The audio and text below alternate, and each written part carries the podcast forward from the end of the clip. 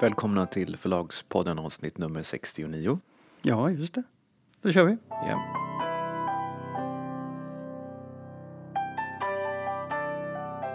Nu ska Mm. vi ta något som du egentligen inte vill prata om. Men vi hade i förra avsnittet en, ett samtal som vi påbörjade om ditt liv som förläggare. Ja, Och eh, motvilligt så gick du med på att ta det samtalet. Men det var bara första delen av eh, ett antal samtal. av 28. Av 28. Om ditt liv som förläggare. Eh, och jag vill följa upp det i förra numret med ett samtal nu om dina värsta upplevelser som förläggare. Och eh, Vilka av dem? ja, jag, jag tycker vi ska börja med Kungaboken. Mm. Publiceringen utav Kungaboken. Eh, därför att då var jag i närheten och såg vad som hände. Om du bara gör en, en, en sammanfattning vad det handlade om till att börja med. Och när det hände så kan vi sen gå in på detaljer. För det är en väldigt intressant historia. Som jag tycker du har dragit felaktiga slutsatser av. Okej, eh, väldigt kort sammanfattning då. Hösten 2010 så gav jag ut en bok av Thomas Sjöberg som hette Den motvillige monarken. Och eh, vi hade skrivit ett avtal på den boken eh, många år tidigare. Han skulle skriva en biografi om kungen. Eh, boken, tanken med boken var att den skulle handla om kungen som person. Hur är han? Eh, att, det inte, att det skulle vara liksom en, ett porträtt. Sådär. Och ganska sent i eh, arbetet med den här boken så får Thomas kontakt med Diane Rauscher som är researcher. Eh, och han vill inleda samarbete med henne och gör det.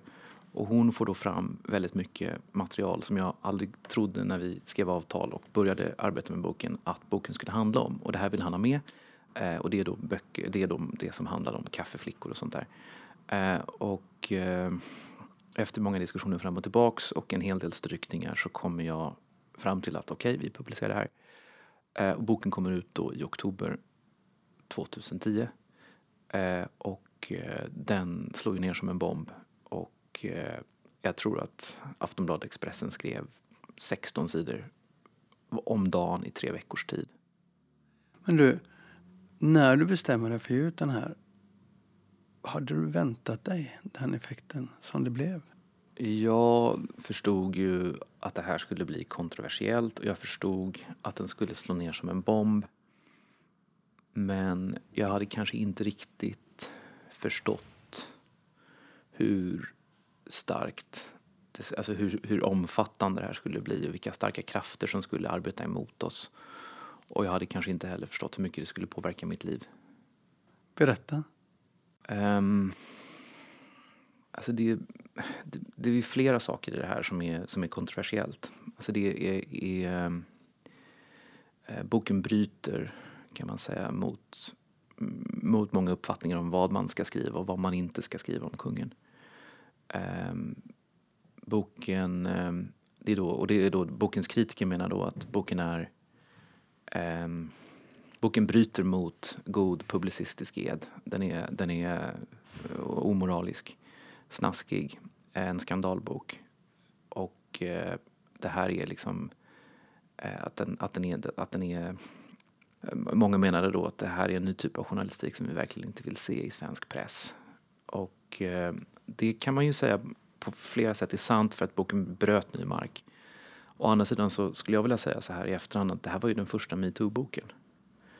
Ehm, hade den här boken kommit idag så hade den ju liksom efter Jean-Claude och efter klubben och efter hela metoo-rörelsen så hade ju boken liksom fått en helt annan sprängkraft. Men då så var inte alls, det fanns inte den mottagligheten för det här.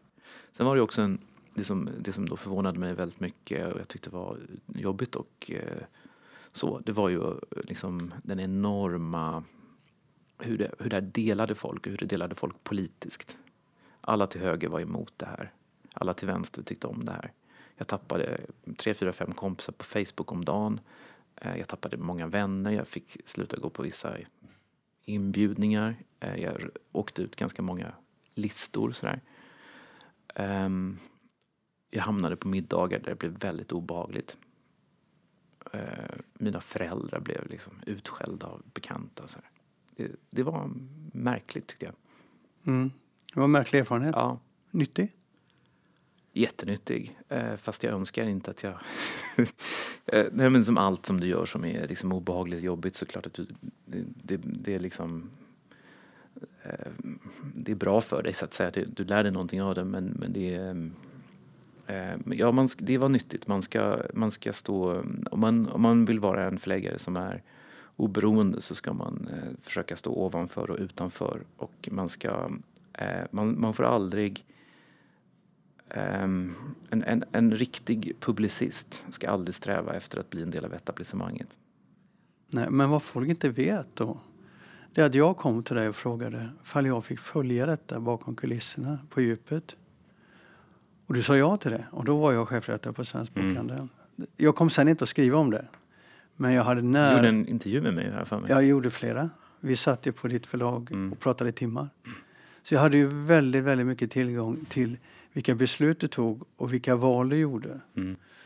Och det som slog mig då, det var att du till varje pris tänkte vara förläggare. Du tänkte inte backa. Eh, du hade mycket funderingar runt, gör jag rätt nu, gör jag fel nu?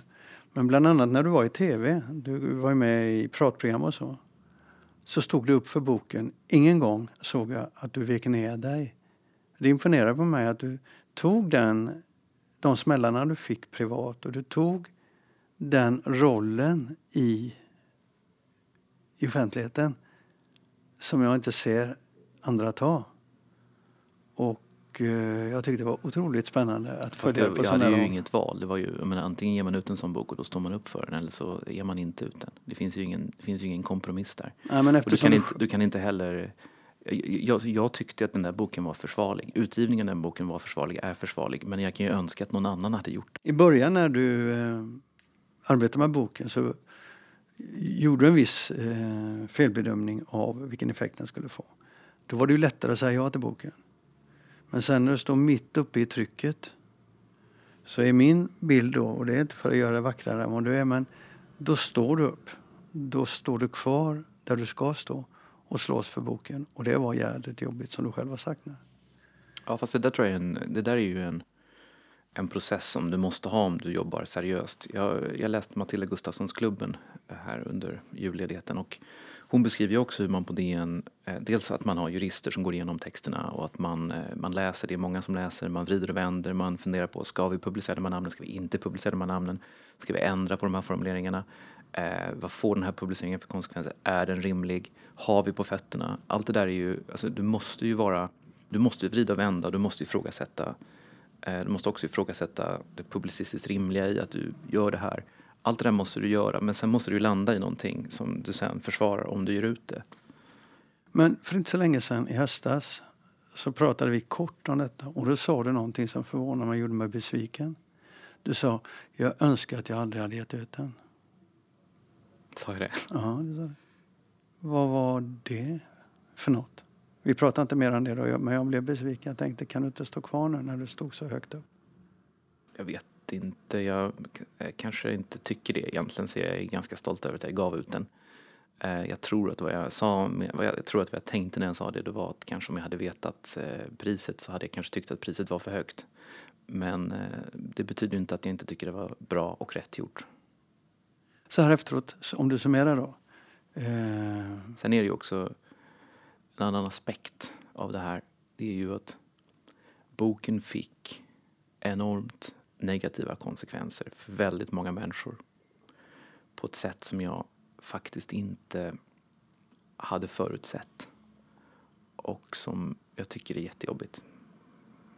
Eh, på båda sidor av, av, av eh, eh, vallgraven. Av vallgraven så att säga. Alltså det, det, eh, herregud, eh, det var inte kul.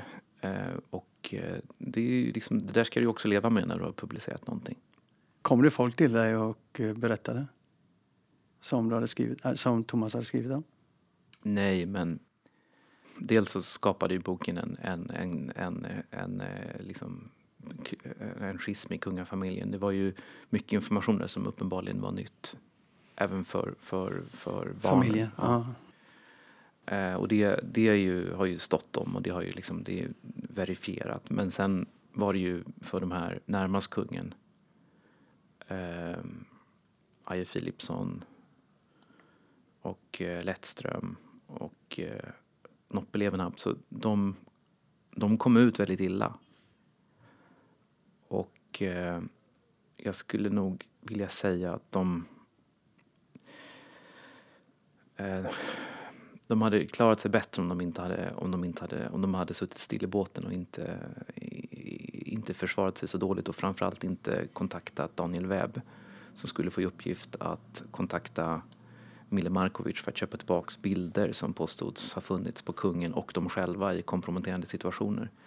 Eh, det där var ju det var ett efterspel som var väldigt smutsigt eh, och som mycket obehagligt. Och, eh, jag är väldigt glad över att vi, den, uppgiften om att det skulle funnits bilder, den, den fanns inte med i boken utan det kom senare. Det var Anders Pilblad som gjorde en intervju med Mille Markovic där han påstod detta i TV4. Det, den informationen skulle jag nog inte publicerat.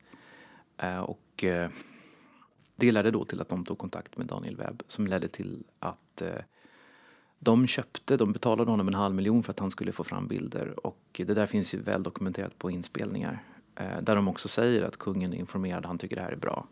Och där säger man också att man ska tysta författarna och eh, liksom sätta dit dem och sådär.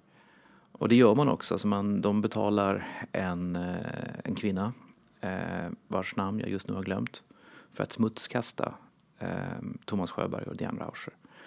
Eh, Diane Rauscher hon drev då ett behandlingshem i Nora och de polisanmäler henne eh, för vanvård och såna saker och det leder till att hon får lägga ner behandlingshemmet. Eh, Thomas Sjöberg får ju ingen jobb. Eh, alltså det, det är ett pärlband av personliga tragedier på båda sidor om vallgraven.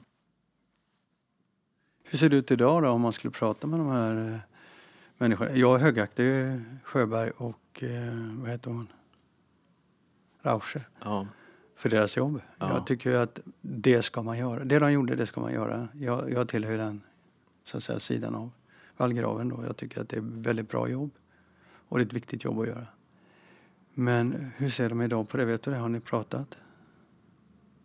Jag har inte träffat Jan Rauscher på massor av år hon eh, fick ju liksom lägga ner sin verksamhet och jag tror att hon sålde den där gården hon hade i Nora och eh, jag vet att hon under flyktingkrisen jobbade i eh, flyktingläger någonstans i Syrien. jag vet inte vad hon gör idag faktiskt. Thomas har jag ju kontakt med. han, har ju, han hade ju några tuffa år efter det där men har ju sen liksom kommit igång igen och skriver nu böcker igen och sådär. och Mille Markovic är skjuten och Ja, just. Eh, Noppeleverna begick självmord. Och, inte på grund av det här. Nej. men men, men, det, men det, det, liksom det, där, det där är ju också någonting som är... Jag är så otroligt glad över att jag inte är chefredaktör på en, eh, på en eh, kvällstidning. Därför att det finns ju publiceringsbeslut som är självklara. Alltså, uppgifter som du ska publicera för att de är rimliga och de är relevanta och de är försvarliga. Men som ändå är väldigt jobbiga för en, en stor grupp av människor. Som får konsekvenser. Som får konsekvenser. Ja. Och, det, och det där är ju liksom en, en, en jobbig aspekt. Eh. Så om du nu idag skulle få ett manus av ett liknande slag, hur skulle du reagera då? Jag, jag skulle ju vara väldigt försiktig. Och eh, jag har ju varit överdrivet försiktig också för att efter det här så eh, blev det ju väldigt mycket så att man... Jag menar, jag fick ju mycket fiender. Eh, och eh, det var ju många, det var ju länge så att jag kunde, om folk frågade så om förlaget, om man träffar folk och så där, frågade vad har ni gett ut för böcker? Så nämnde jag aldrig Kungaboken för att jag visste att det skulle, i 50 procent av fallen så får jag en väldigt negativ reaktion. Eh, det kunde förstöra liksom en social situation. Så jag, eh, men eh, vad var frågan? Ja, det var om du får ett liknande manus. Ja, men jag, jag, det ledde till att jag blev väldigt försiktig för att jag fick många finer. Jag blev också anklagad för att vara eh, Martin Agård skrev i, i Aftonbladet Kultur att vi är Sveriges, Lind Company Sveriges slisigaste förlag och såna saker. Eh, man blir rädd för att man ska få en stämpel av, av, av det. Eh, och jag var väldigt försiktig. Jag minns att jag jag tackade nej sen till en bok som jag faktiskt sen försvarade utan att ha, utan att ha gett ut den? Ja, gett ut den utan att säga att jag hade tackat nej till den. Men jag, jag tackade nej till uh, Felicia Fälts bok om sin mamma Anna Wahlgren.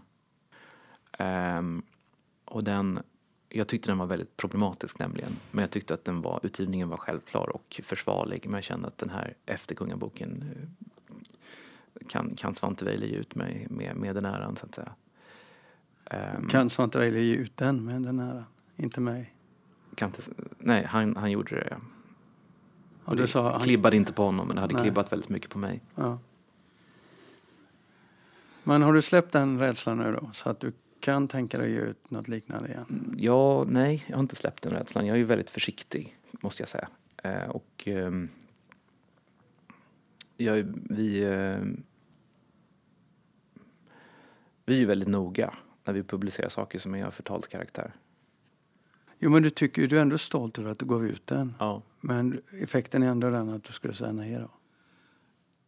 Eh, nej, men det är en sån teoretisk, eh, hypotetisk fråga som inte går att svara på. Men eh, jag, jag, jag, vill inte eh, liksom orsaka så mycket lidande. Jag vill inte Ehm, att Expressen ska stå utanför min bostad när jag går ut. Om det inte är för ett väldigt ädelt och väldigt, väldigt bra skäl. Jag kanske kan tycka när man väger ihop allting att kanske eh, jag tycker Kungaboken var, var rätt och riktig att ge ut. Jag tror att den rensade luften. Jag tror att idag skulle den tagits emot på ett helt annat sätt. Det var den första metoo-boken. Jag tror att den har gjort mycket nyttigt också. Men jag kanske kan tycka att det är... Alltså, du måste väga hela tiden för och emot. Eh, idag skulle jag vara mycket mer försiktig, ja. Det här är, vi ska fortsätta prata om ditt liv som förläggare. Men det här var, tyckte jag är en, en spännande detalj som folk, folk glömmer ju historien. Och det är ingen idag som tänker på det här de här vännerna du förlorade, de kommer tillbaka? Ja, några. Det låter ju inte som det spelar någon roll i min värld. Nej, några har gjort det faktiskt. Men det finns eh, listor där jag fortfarande är liksom eh, inte personen, där jag är personen non grata och eh, du hittar inte Lind Company böcker i Slottsboden. För några år sedan skulle vi ge ut en bok om Gamla stan av eh, Göran Söderström, konsthistorikern. Och då behövde vi fota på slottet. Det var väldigt svårt att få tillstånd till när de fick reda på vilket flagg det var. Men riksmarskalken hjälpte oss sen. Ja, eh, heder till riks, riksmarskalken då säger vi. Det här är fortsättning följer på den här mm. historien om ditt liv som förläggare. Du ville ta upp en annan en artikel som vi hade läst i, i bägge två i DN som kom i december. Ja, det, var, det, är lite, det är lite sent att ta den nu. Det är lite sent men jag tyckte att den var, det fanns en del intressanta saker i den och det är inte alla som läser DN. Mm. även om man ibland tror det. Aha. Och eh, alla kanske inte läser allt heller. Det här var en ganska lång artikel. Men det var Augustin Erba som är journalist och författare. Han är journalist på Dagens Nyheter men han är också författare och skrivit ja. ett antal böcker. Och eh, han skrev en väldigt självutlämnande, han skriver väldigt bra. Han skriver, han skriver ibland i Boklördag om olika saker. Eh, och han skrev en väldigt självutlämnande och ärlig text som handlade om hans eh, alla refuseringar. Och, eh, denna, hans kamp för att bli författare? Hans kamp för att bli författare, precis. Och alla hans denna, denna begåvade människa som ju uppenbarligen både kan tänka och skriva har alltså blivit refuserad 48 gånger. Mm, jag såg det. det är rätt knäckande. Och, och det speciella med honom då, det är inte att han, dels att han inte ger sig, dels att han sparar alla de här refuseringsbreven. Han kommer liksom ihåg hur, hur de skriver och sådär. Ja. Eh, och så berättar han väldigt underhållande om hur, hur han började skriva och liksom vilka romantiska idéer han hade om själva skrivandet och även romantiska idéer han hade om hur förlagen liksom sitter på andra sidan och tar emot manus. Och hans första roman den hade han döpt till, det var en kärleksroman tror jag, den hade han döpt till Från ingenstans till ingenting. Ja, det är en lysande eh, romantitel, ja, eller hur? och när han, det är en lysande romantitel som säger ganska mycket om den, den pretentiösa unga mannen. Och sen så hade han skickat med ett följebrev som var, han hade skrivit för hand. Och där hade han skrivit Här är den. Och så hade han ritat en pil på manuset, Här är den. Um, men um, texten, är, texten är, den, den är underhållande och rolig och den har mycket att lära alla som är intresserade av att skriva och bli utgivna. Um, han, han söker också upp en av förläggarna som har refuserat honom och det är Ann-Marie Skarp. Ja. Och då så, det han hade skickat till henne det var då en, eh, en bok som innehöll en deckarentig men också en barndomsskildring. Uh, och då hade hon gett honom rådet att han skulle stryka deckarintrigen och fokusera på barndomsskildringen. Och han förstod inte varför för han tyckte det var liksom hängde ihop så fint och sådär. Um, och sen, det här finns inte med i, i, men det här var en sån sak, en reflektion som jag gjorde. Sen Sen så, sen så debuterar han ju med en bok som är alldeles underbar och alldeles fantastisk som heter Blodsband och som är en barndomsskildring.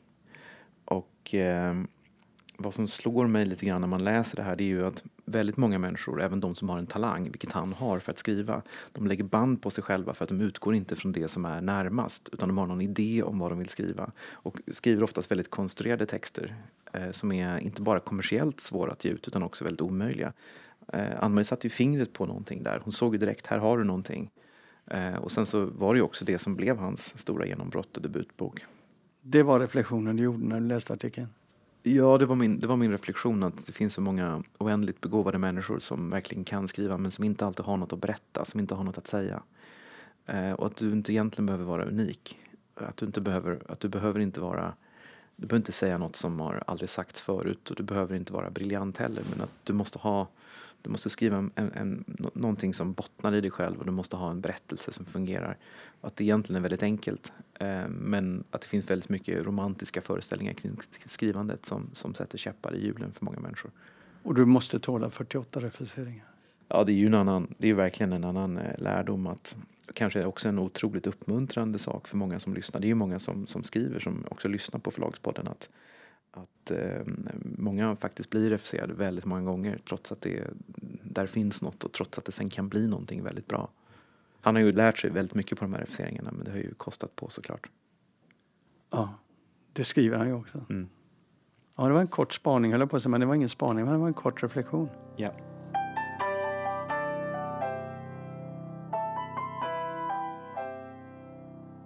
Vad tänker vi prata om nu? Jag vet inte, det är du som har listan med punkter här. Vi ska prata om varför ni inte har någon manusgrupp i ert förlag. Det är ju rätt vanligt hos de stora förlagen. Där man går igenom eh, alltså en grupp av människor på förlaget går igenom vilka manus som finns möjliga och vilka man ska satsa på och vilka man inte ska satsa på. Uh, ja, fast du kanske ska skilja på manusgrupp och utgivningsgrupp. Ja, just det. Det behöver inte vara samma sak med nödvändighet. Nej, men eh, absolut. Um, om man, om, alltså först gör man någon slags, skiljer man ut manus som kommer in och sen så utgivningsgruppen är ju eh, liksom en mer som en redaktionsgrupp som bestämmer vilka manus ska vi anta. Vilka ja, just det. Men, men manusgrupper finns ju ja. på de stora förlagen. Ja, men också framförallt utgivningsgrupp, utgivnings, utgivningsmöten och utgivningsgrupper så att säga. Ja. Och ni har inte det på Lind Company? Nej. Det är väl inga små förlag som har nu är inte du så litet längre kanske. Men varför har ni inte det för övrigt? Um, jag, jag, tror, jag tror man får betrakta Lind Company som ett stort förlag med 100 miljoner omsättning och Sveriges fjärde största allmänutgivande förlag. Det gick där lite för nära. Ja, lite grann. För det är klart att ett litet, det är, men det är ointressant. Vi, vi ger ut 150 titlar om året. Ja. Eh, och det är, hela den här diskussionen är ointressant om vi gav ut 20 titlar om året. Ja. Det är klart att man inte har utgivningsmöten om man ger ut 20 titlar om året. Det var bara det som var min har du. eh, det... Nåväl, då går vi till sakfrågan. Då. Varför har ni inte ett, ett, eh, en manusgrupp på förlaget? Nej, vi har inte det därför att eh, vi har haft det eh, sporadiskt för väldigt många år sedan och jag tyckte det funkade jättedåligt. Eh, och eh, sen har vi liksom hittat en form som funkar som, som, som funkar väldigt bra för oss. Eh, och det är så, alltså, I grunden så handlar det om att manus, på manusmöten och manusgrupper så sitter väldigt många människor som inte har läst manusen. Som eh, ska tycka till. Eh, och eh, kollektiva utgivningsbeslut blir ofta väldigt dåliga utgivningsbeslut. Utan jag tycker att förläggarna ska själva liksom fatta beslut om vilka böcker som ska ges ut. Givetvis så för, för, men vi har ju diskussioner om, ska vi öka svensk skön, ska vi minska svensk skön, ska vi göra ut fler biografier, ska vi minska och sådär. Och sen så Eh, är ju, bollar vi ju ofta hela tiden idéer och jag läser väldigt mycket. Eh, men vi sitter inte i grupp och fattar beslut. Det, det, grupparbeten eh, det hör hemma i skolan och dagis. Och det är mycket bättre, eh, och som nu, eh, kollektiva beslut är det ju liksom ingen som står bakom heller. Eh, det, det, är mycket bättre att man kan hänga upp eh, misslyckade utgivningar på en enskild person och så kan man ställa boken i skamhyllan och säga fy det, nej, jag skojade bara, så är det inte.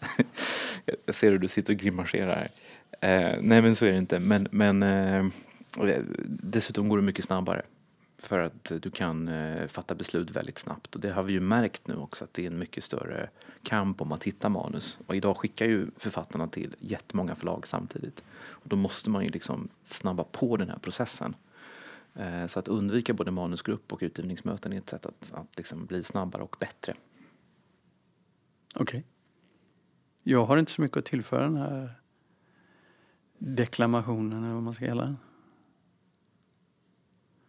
men, men, men det är intressant. Därför att jag har varit på några eh, sådana här manusgrupper och utgivningsgrupper. Och har ju tyckt då, på Bonniers, har ju tyckt att det var väldigt intressant. Mm. Men egentligen så är, finns det ju de svagheterna som du säger. Det är alltid någon som bestämmer ändå till slut.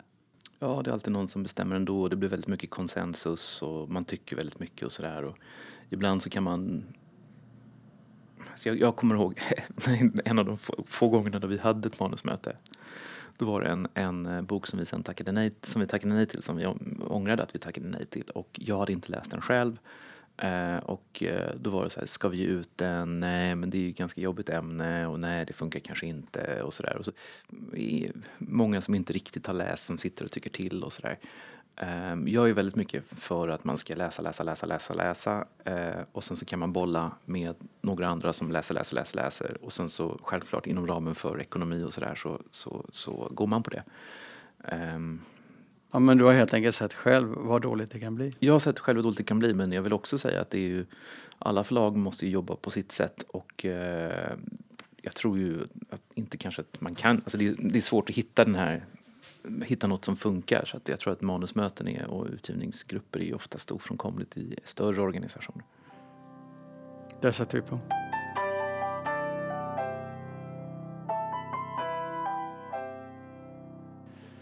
Och det var allt för avsnitt 69. Vi hörs igen om två veckor. Yes.